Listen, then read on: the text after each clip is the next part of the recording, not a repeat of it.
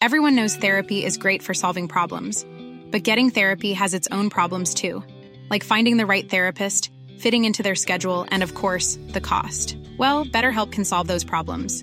It's totally online and built around your schedule. It's surprisingly affordable too. Connect with a credentialed therapist by phone, video, or online chat, all from the comfort of your home. Visit betterhelp.com to learn more and save 10% on your first month. That's BetterHelp H E L P. Hiring for your small business? If you're not looking for professionals on LinkedIn, you're looking in the wrong place. That's like looking for your car keys in a fish tank. LinkedIn helps you hire professionals you can't find anywhere else, even those who aren't actively searching for a new job but might be open to the perfect role. In a given month, over 70% of LinkedIn users don't even visit other leading job sites. So start looking in the right place. With LinkedIn, you can hire professionals like a professional. Post your free job on linkedin.com slash people today. Du lytter til en podcast fra Third Air.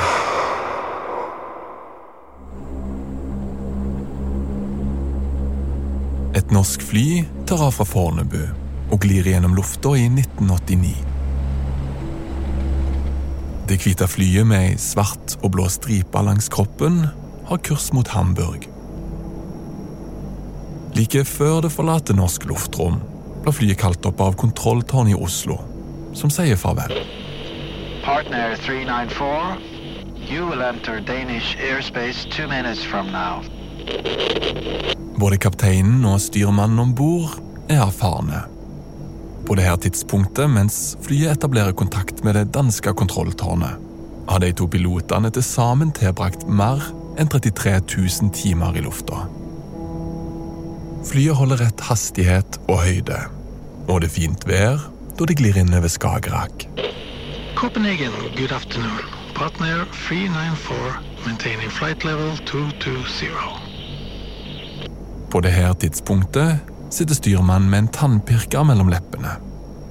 Men plutselig, uten noe forvarsel eller mayday fra pilotene, mister flyet høyde.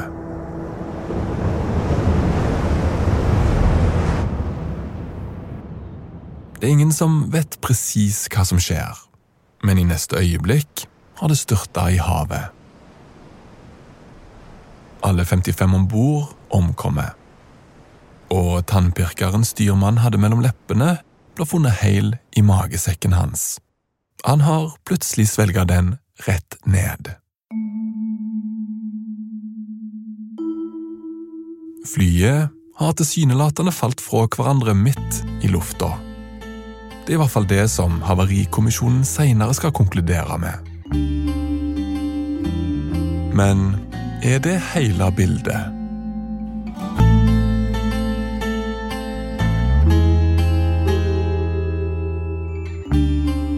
Det er et mareridt at tænke på det her billede. Et fly, der falder fra hverandre midt i luften. Helt uden nogen ydre. Men som Lars Christian siger, er det egentlig det, som er sket? Der er nemlig et fly mere i denne historie. Et norsk jagerfly, som kontakter kontrolltårnet i Oslo og sier han gerne vil stille et spørsmål. Og vi har opptaket av det her, men det er litt vanskelig å høre, hva der blir sagt. Flygelederen i kontrolltårnet svarer jagerpiloten, at han bare kan spørge. Ja, da kan du gjøre det nå, vet du. Piloten spørger så, om flyvelederen vidste, at en airliner kom ret på trynet. Ja, du visste at du hadde en øl som kom rett på trynet? Piloten, som kontakter flygelederen i opptaket, sidder i cockpittet til en av forsvarets F-16 jagerfly og har netop passeret partnerflyet i luften. Cirka syv minutter efter de to fly har passeret hverandre i luften, ligger partnerflyet tusind bidder i havet nedenfor.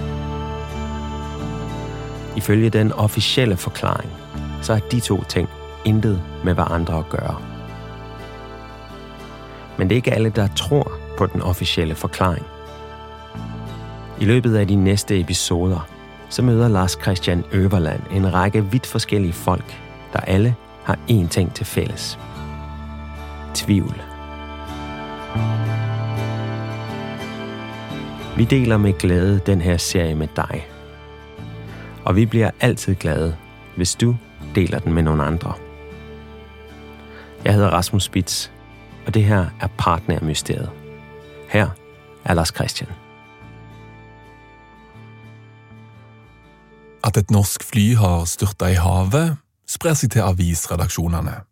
Byen som er nærmest ulykkesstedet, er Kristiansand, og meldingene kommer inn til den lokale journalisten Eivind Pedersen. Så skjedde jo da eh, dette at vi da eh, fikk på ettermiddagen melding om at eh, dette partnerflyet var forsvunnet. Det hadde gått i, i, sjøen og befant seg da et stykke utenfor Hirtshals. Eivind, som er journalist i VG, blir oppringt av sjefen og får i oppdrag å lage en førstesidesak om flyet som har gått i sjøen, med bilder fra ulike steder ute i Skagerrak.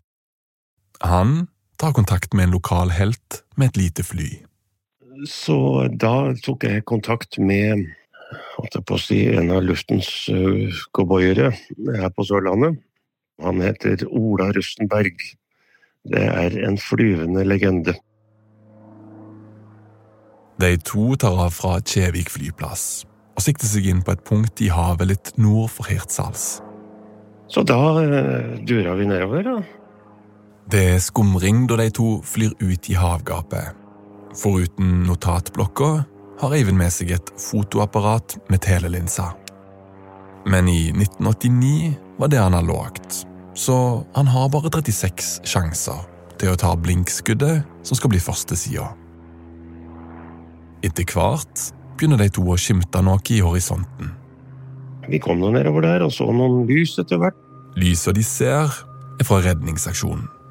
Helikoptre som flyr over ulykkesstedet og båter som retter lyskasterne sine på den mørke overflaten til Skagerrak. Men å, å liksom sitte oppi et, en flymaskin i 12 000 fot og ta bilder av grå katter i mørket, det blir ikke så gode bilder av det.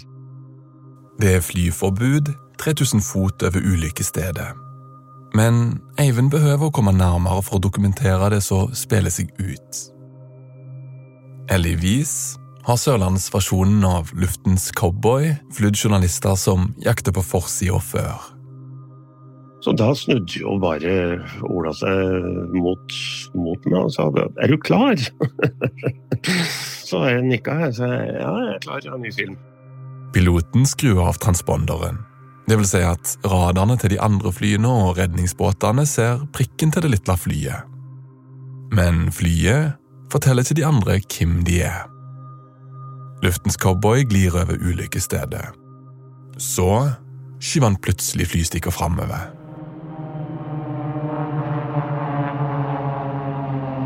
Og så stupte han ned. Da flyet som ingen av de andre båtene eller flyene vet hvem er, plutselig stuper ned over steder, blir det levende ved sambandet. Men uh, ut ifra kjeftinga på flyradaren, så så, så, så, var han nok litt lavere enn han uh, burde ha vært. Men piloten tar Eivind nært nok. Han løfter kameraet og knipser. Det her skal senere vise seg å sette Eivind på en ny kurs. Det tok jo litt eh, tid før jeg liksom fikk det innover meg. Når han framkaller bildene som senere blir slått opp på framsida, skjønner han hva det er han har dokumentert. Flyet er i beter.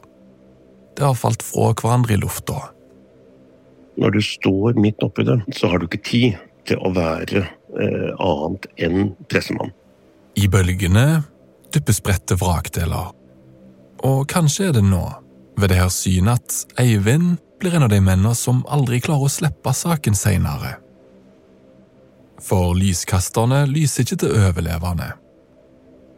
De fisker opp døde mennesker i vannskorpa. Noen av de har falt i flere minutter. Jøss, her har du vært over et sted som da skulle vise seg å om ikke bli en massegrav, så i hvert fall et sted som hadde krevd et stort antall eh, menneskeliv. Og det Det sank jo litt inn etter hvert. Det gjorde det. Så, men akkurat der og da så var jeg pressemann, og det, det, det er bare sånn. Alle 55 om bord i flyet har omkommet. Og snart 35 år seinere er partnerulykka fortsatt den verste flyulykka i norgeshistorien.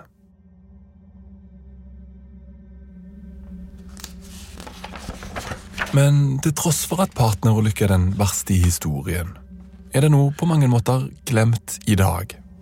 Januar 1998. Og sånn historien ble fortalt før den gikk i glemmeboka, var årsaken til ulykka mangelfullt vedlikehold i kombinasjon med noen uoriginale deler som fikk flyet til dette fra hverandre. Det finnes flere rettskraftige dommer knytta til ulykka, som jeg begynner med å lese. Den siste dommen er fra Borgarting lagmannsrett i 2004.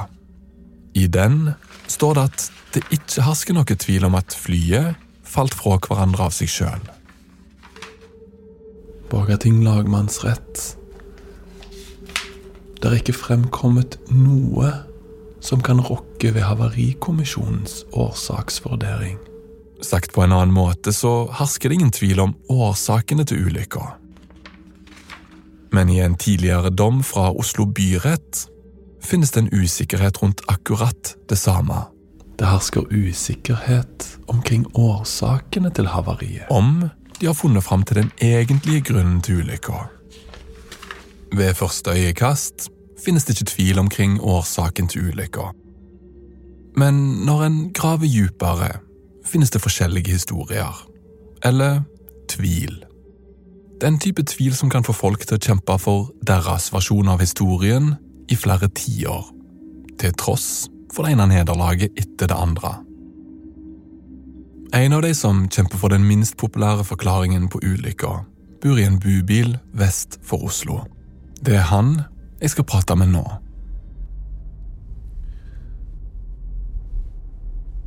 Jeg kjører E6 vestover fra Oslo til Ringerike. På vei for å få ei viktig brikke i puslespillet til denne historien. Det er kun få dager siden ekstremværet hans, og jeg kan se herjingene fra flommen som fulgte. Båter som ligger langt oppå jordene, og biler som har stått under vann. Det er som å kjøre inn i et bakvendt land. Forutenom dommene er det ett dokument som er viktigere enn alle andre. Rapporten til Havarikommisjonen. Det er denne rapporten de forskjellige dommene lener seg på. Det er den som for alvor sementerer historien i saken. Her, vet du. Jeg svinger av til høyre og inn på en grusvei. Lyseng lakkering Rundt et gammelt lakkeringsverksted står 30-40 biler. De fleste med vannskader. Det er mange former for tap i denne saken. De etterlatte til 50 omkomne. Et helt land som sørger. På TV sendes gudstjenesten. Minnetalen holdes av statsminister Gro Harlem Brundtland, som bryter ut i gråt under talen. Og så er det de som eide flyet. Nede ved vannet står en gammel bobil.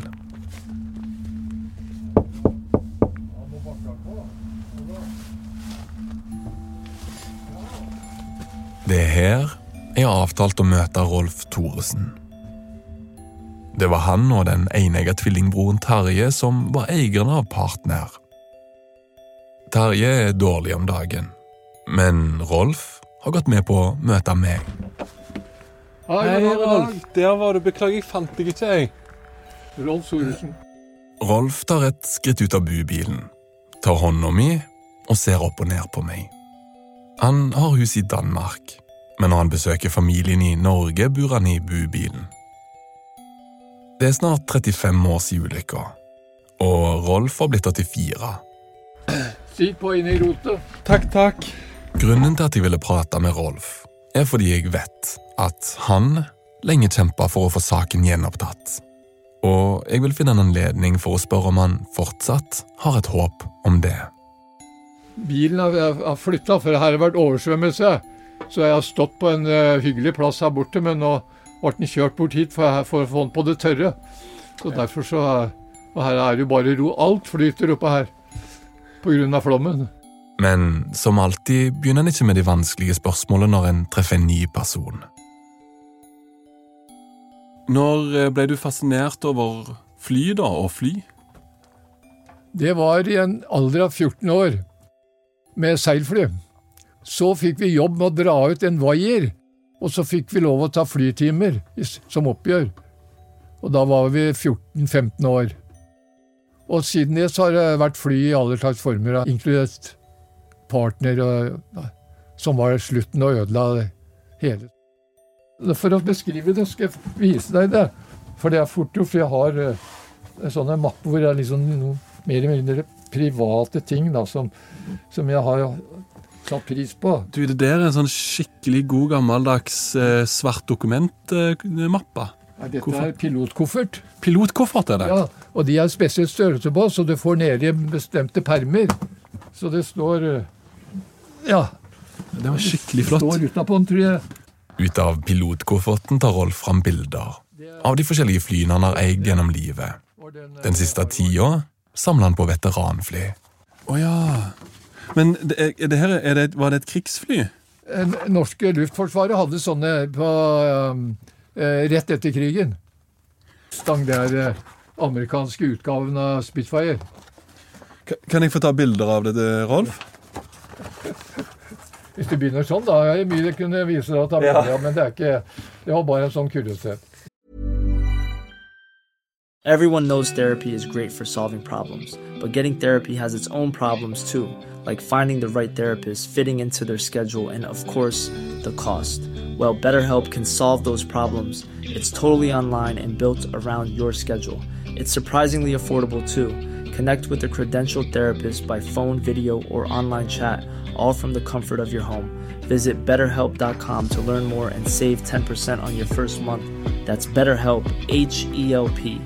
If you thought the only way to get a more defined jawline with natural looking results was through surgery, think again. Juvederm Volux XC is a non surgical injectable gel filler that improves moderate to severe loss of jawline definition and can help you achieve natural looking results with little downtime. Even better, this improved definition lasts up to one year with optimal treatment. No maintenance required. Improve jawline definition for a smooth, sculpted look with Juvederm Volux XC. For important safety information and to find a licensed specialist, visit juvederm.com. That's J U V E D E R M.com. Not for people with severe allergic reactions, allergies to lidocaine, or the proteins used in Juvederm. Common side effects include injection site redness, swelling, pain, tenderness, firmness, lumps, bumps, bruising, discoloration, or itching. There's a risk of unintentional injection into a blood vessel, which can cause vision abnormalities, blindness, stroke, temporary scabs, or scarring. Talk to a licensed specialist to find out if it's right for you. Millions of people have lost weight with personalized plans from Noom, like Evan, who can't stand salads and still lost 50 pounds. Salads, generally, for most people, are the easy button, right? For me, that wasn't an option. I never really was a salad guy. That's just not who I am. But Noom worked for me. Get your personalized plan today at Noom.com. Real Noom user compensated to provide their story. In four weeks, the typical Noom user can expect to lose one to two pounds per week. Individual results may vary. Hey, it's Ryan Reynolds, and I'm here with Keith, co star of my upcoming film, If, only in theaters, May 17th. Do you want to tell people the big news? All right, I'll do it. Sign up now and you'll get unlimited for $15 a month in six months of Paramount Plus Essential Plan on us. Mintmobile.com slash switch. Upfront payment of $45 equivalent to $15 per month. Unlimited over 40 gigabytes per month. Face lower speeds. Videos at 480p. Active Mint customers by 531.24 get six months of Paramount Plus Essential Plan. Auto renews after six months. Offer ends May 31st, 2024. Separate Paramount Plus registration required. Terms and conditions apply if rated PG. Hvordan var det for deg, da, som like etter uh, ulykka? Altså, tenker du for meg Personlig? Nei, det var jo Det var jo så at det var Alt var virka meningsløst å fortsette livet. Det var eh, en tragedie eh, med alle bokstavene mellom A og Å. Det var helt håpløst. Det var jo sånn at når uh, ulykken var et faktum, så um, sto det to av de viktigste flyene våre på bakken. Og så um, var ikke mulig å opprettholde drift når eh, de viktigste inntektskildene våre de sto på bakken. Fordi de, de fungerte fint, men ingen vågte å fly med dem? De var 100 i orden til å fly med, men uh, kunne ikke prøve å selge det til noen uh, uh, som skulle på tur, fordi at de hadde lest usannheter. Så um, vi begjærte selskapet konkurs. Foruten om de 50 passasjerene som døde da flyet falt fra himmelen, mista Rolf fem av sine kollegaer og venner. Havarirapporten plasserer ikke skyld for ulykka, men den peker på den dårlige tekniske standen flyet var i. Og sentralt i det her er noen uoriginale deler. Fire bolter som ble satt inn i flyet da et verksted i Canada oppgraderte det. Etter den konklusjonen ble Rolf og tvillingbroren saksøkt. De etterlatte de samla seg gikk til rettssak mot oss personlig, for vi hadde flydd med utrangerte fly som var helt uforsvarlige. Brødrene vant alle de tre rettssakene mot de, men det her har selvsagt kosta. Så det har vært en tung sak å slite med det hele livet. Alt var virka meningsløst å fortsette livet. Selv om Rolf aldri har blitt dømt i saken, peker pilene for skyld for ulykka på han. Og kanskje nettopp derfor har han og tvillingbroren venta på at det de mener sannheten, vil komme for en dag. Vi blir nærmest øh, straffa og hengt ut for å være noen svindlere og ha flydd med noen gamle fly som detter ned av seg sjøl. Og ment at på et eller annet tidspunkt så vil dette her ende ut, eller ende opp med at vi får en oppreisning i form av at det blir satt en strek for det. Men nå er det håpet forsvunnet. Hvis han er 80 år, så har du ikke noe håp og ingen særlig fremtid. Så det er egentlig gitt seg sjøl. Hvis jeg forstår deg rett, da, så det viktige for deg, det er på en måte hva som står i historiebøkene? Fordi at vi har, er i en alder hvor vi ikke har liksom den store nytten av det, men det er oppreisning at, eh, at, rettferdigheten kunne vinne gjennom, som blir stående i historien, det er liksom det som er litt trist at man skal leve med det. Hva er det du mener er det viktigste å fokusere på i denne saken? Jeg kjenner ingen saker eh, i, i mitt lange liv hvor den som forårsaker eh, en ulykke, blir kalt inn som vitne, og ikke noe annet enn det. Det Rolf sikter til her, er at han mener Havarikommisjonen ikke har undersøkt tilstrekkelig jagerflyet som passerte partnerflyet før det havarerte. Det Rolf har søkt svar på de siste 30 åra, er om det egentlig var F-16-flyet som skapte ulykka. Ikke at det krasja eller skjøt ned passasjerflyet, men at det fløy så nært og fort at trykket fra jagerflyet påvirka ulykkesflyet før det havarerte. Det er pilotens ansvar, og han som har brutt seg på alle mulige måter i forhold til norsk luftfartsregler. Og det er ikke stilt ett spørsmålstegn ved hans fremferd og hvordan han opptrådte. Men selv om Rolf er sikker, går det han sier på tvers av både rapporten til Havarikommisjonen og den siste rettskraftige dommen i saken. Jeg har han her. Dommen fra Borgarting lagmannsrett i 2004. Ja. Eh, de slår fast i dommen at forklaringen fra rapporten til Havarikommisjonen stemmer. Ja. Vi skal gå dypere inn i det her seinere, men veldig forenkla er det to forklaringer til ulykka. Et jagerfly utenfra, eller fire bolter som løsner i flyet. Men eh, hvis det hadde vært sånn at vi hadde, eh, hadde kjøpt eh, eh bolter som var uforsvarlige, så har vi sagt det hadde vært kjempefint, for da hadde vi fått en dom. Og den kunne vi ha levd med. De uoriginale boltene som rapporten peker på, er selvsagt ikke bestilt av Rolf og partner. Tvert imot har han dokumentet, som viser at det ikke skulle spares på penger da de sendte flyet til vedlikehold i Canada. Om det sto på boltene, ligger ansvaret åpenbart hos de som satte de inn. Og det har de gjort. De bare, møter bare noen canadiske eh, advokater og feirer dem av banen. alt det, det blir bare svada. Men problemet er uansett at både Rolf og tvillingbroren mener at konklusjonene i rapporten er helt feil. At det er ytre årsaker til havariet, i form av et grått F-16-fly.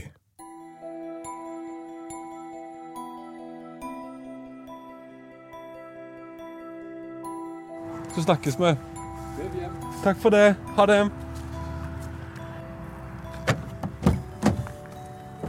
Jeg kjører ut av flomområdet på Ringerike. Alt er snudd opp ned her. Lettere surrealistisk. Som om jeg når som helst kommer til å kjøre forbi en båt som sitter fast oppi et tre. Det Rolf fortalte i campingbilen, surrer rundt i hodet mitt. Havarikommisjonen har konkludert med at det ikke var jagerflyet. Og det samme har lagmannsretten i den siste dommen. Det norske forsvaret har hele tida nekta for at de var innblanda i ulykka. Jeg kan forstå at Rolf ikke vil sitte igjen som ansvarlig eier av et skrøpelig fly som styrta med 55 mennesker. Men om en tenker teorien om F-16-flyet helt ut, så betyr det at Forsvaret har dekka over at de var årsak til den verste flyulykka i norsk historie. At Havarikommisjonen har hjulpet til eller blitt lurt, og regjeringsadvokaten har vunnet rettssaken for staten. Det er absurd, skremmende og nesten utenkelig tankerekke. Problemet er bare at Rolf ikke er alene om å være kritisk til konklusjonene som er gjort om ulykka. Det er det som er grunnen til at jeg har satt kurs mot Drammen. Det er der Kåre Hunstad bor. Han som først tipsa meg om saken. På tekstmelding nevnte Kåre at han sitter på noen gamle intervju som kan sette saken i et nytt lys. Vi har avtalt å møtes utenfor togstasjonen. Han ruller inn til fortauet i en nyvaska rød bil. Hei, du. Hei. Fin bil. ja, du er fin. Kåre er tidligere krim- og gravejournalist. Han har fulgt de største krimsakene i Norge i over 20 år. Står bak utallige avisforskrifter og TV-dokumentarer, bl.a. for Brennpunkt. Hvordan er det med deg? Ja, det går bra. Det er en god del år siden han la journalistikken på hylla, men partnersaken fortsetter han å vende tilbake til. Hva, hva er det med den saken her som gjør at du aldri har lagt den fra deg?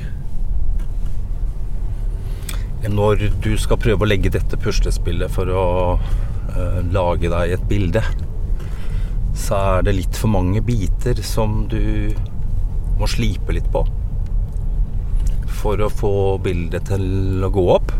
Sånn var det vel i de fleste av de justismordsakene som vi har opplevd de siste 10-15 åra. Det kan godt hende at det resultatet som Flyhavarikommisjonen har kommet fram til her, er riktig. Men det er så mange spørsmål um, som det er verdt å stille. Hvor er det vi skal nå? Vi skal inn i gågata i um, Så skal vi finne fram til Katapult Film. Katapult Film i Drammen skal ha lagra materiale eller intervjuene som Kåre gjorde på saken for snart 20 år siden. Han og regissøren på Katapult begynte på en dokumentar som aldri ble ferdig. Jeg lurer på om det er her, jeg. Børge, som sto bak kamera, møter oss i gangen. Nå er vi i Katapult sine lokaler. Jeg følger etter inn i et rom fylt av gamle opptak. Er det teiper i alle format. VHS-kassetter og Fra VHS. Det er beta.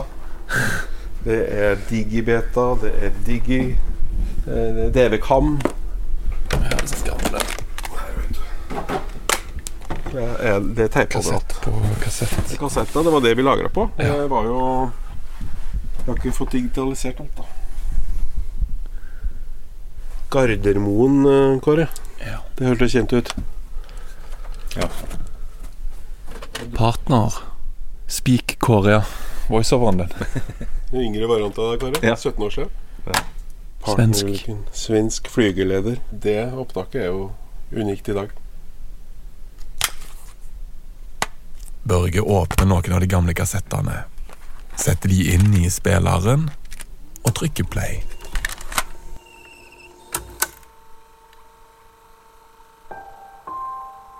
Opptakene er av en svensk ekspert på aerodynamikk, som har gått igjennom rapporten og blir intervjua av Kåre. Hvordan forstår du Havarikommisjonens konklusjoner? Jeg anser at uh, Havarikommisjonens konklusjoner er feilaktige.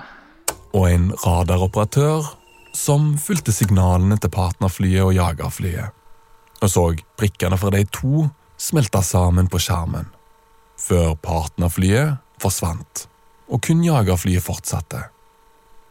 Og rett etter passering så fulgte de vel partnerflyet Ja, det forsvant fra radaren. Og opptak av en 17 år yngre Rolf Thoresen.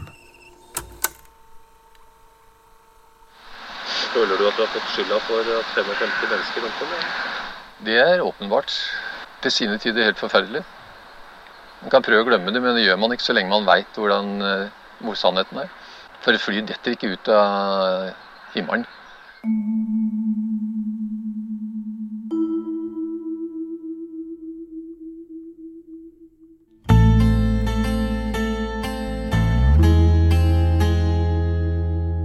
Når vi laver dokumentarene våre, så bruker vi musikk, lydeffekter og noen ganger reenactments for å bringe vores historier til live. Og det har vi også gjort denne gang, hvor stemmerne til piloten i partnerflyet er en reenactment. Det må den selvsagt være, fordi ingen overlevede flystyrtet. Stemmen til flyvelederen er også en reenactment. Og de to er læst inn av Tore Volland og Tom Lilletvedt.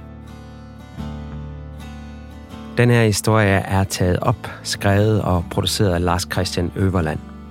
Klip og lyddesign er af mig. Jeg hedder Rasmus Spitz. Lydmix er Anne Opel. En ekstra tak må vi give til Kåre Hundstad og Børge Solem, som har givet os de gamle optagene. Og ikke mindst til Eivind Pedersen, som har delt vigtigt kildemateriale samlet over flere ti år. Den eksekutive producent på 30 er David Mer, og den ansvarlige udgiver er Martin Jonsson.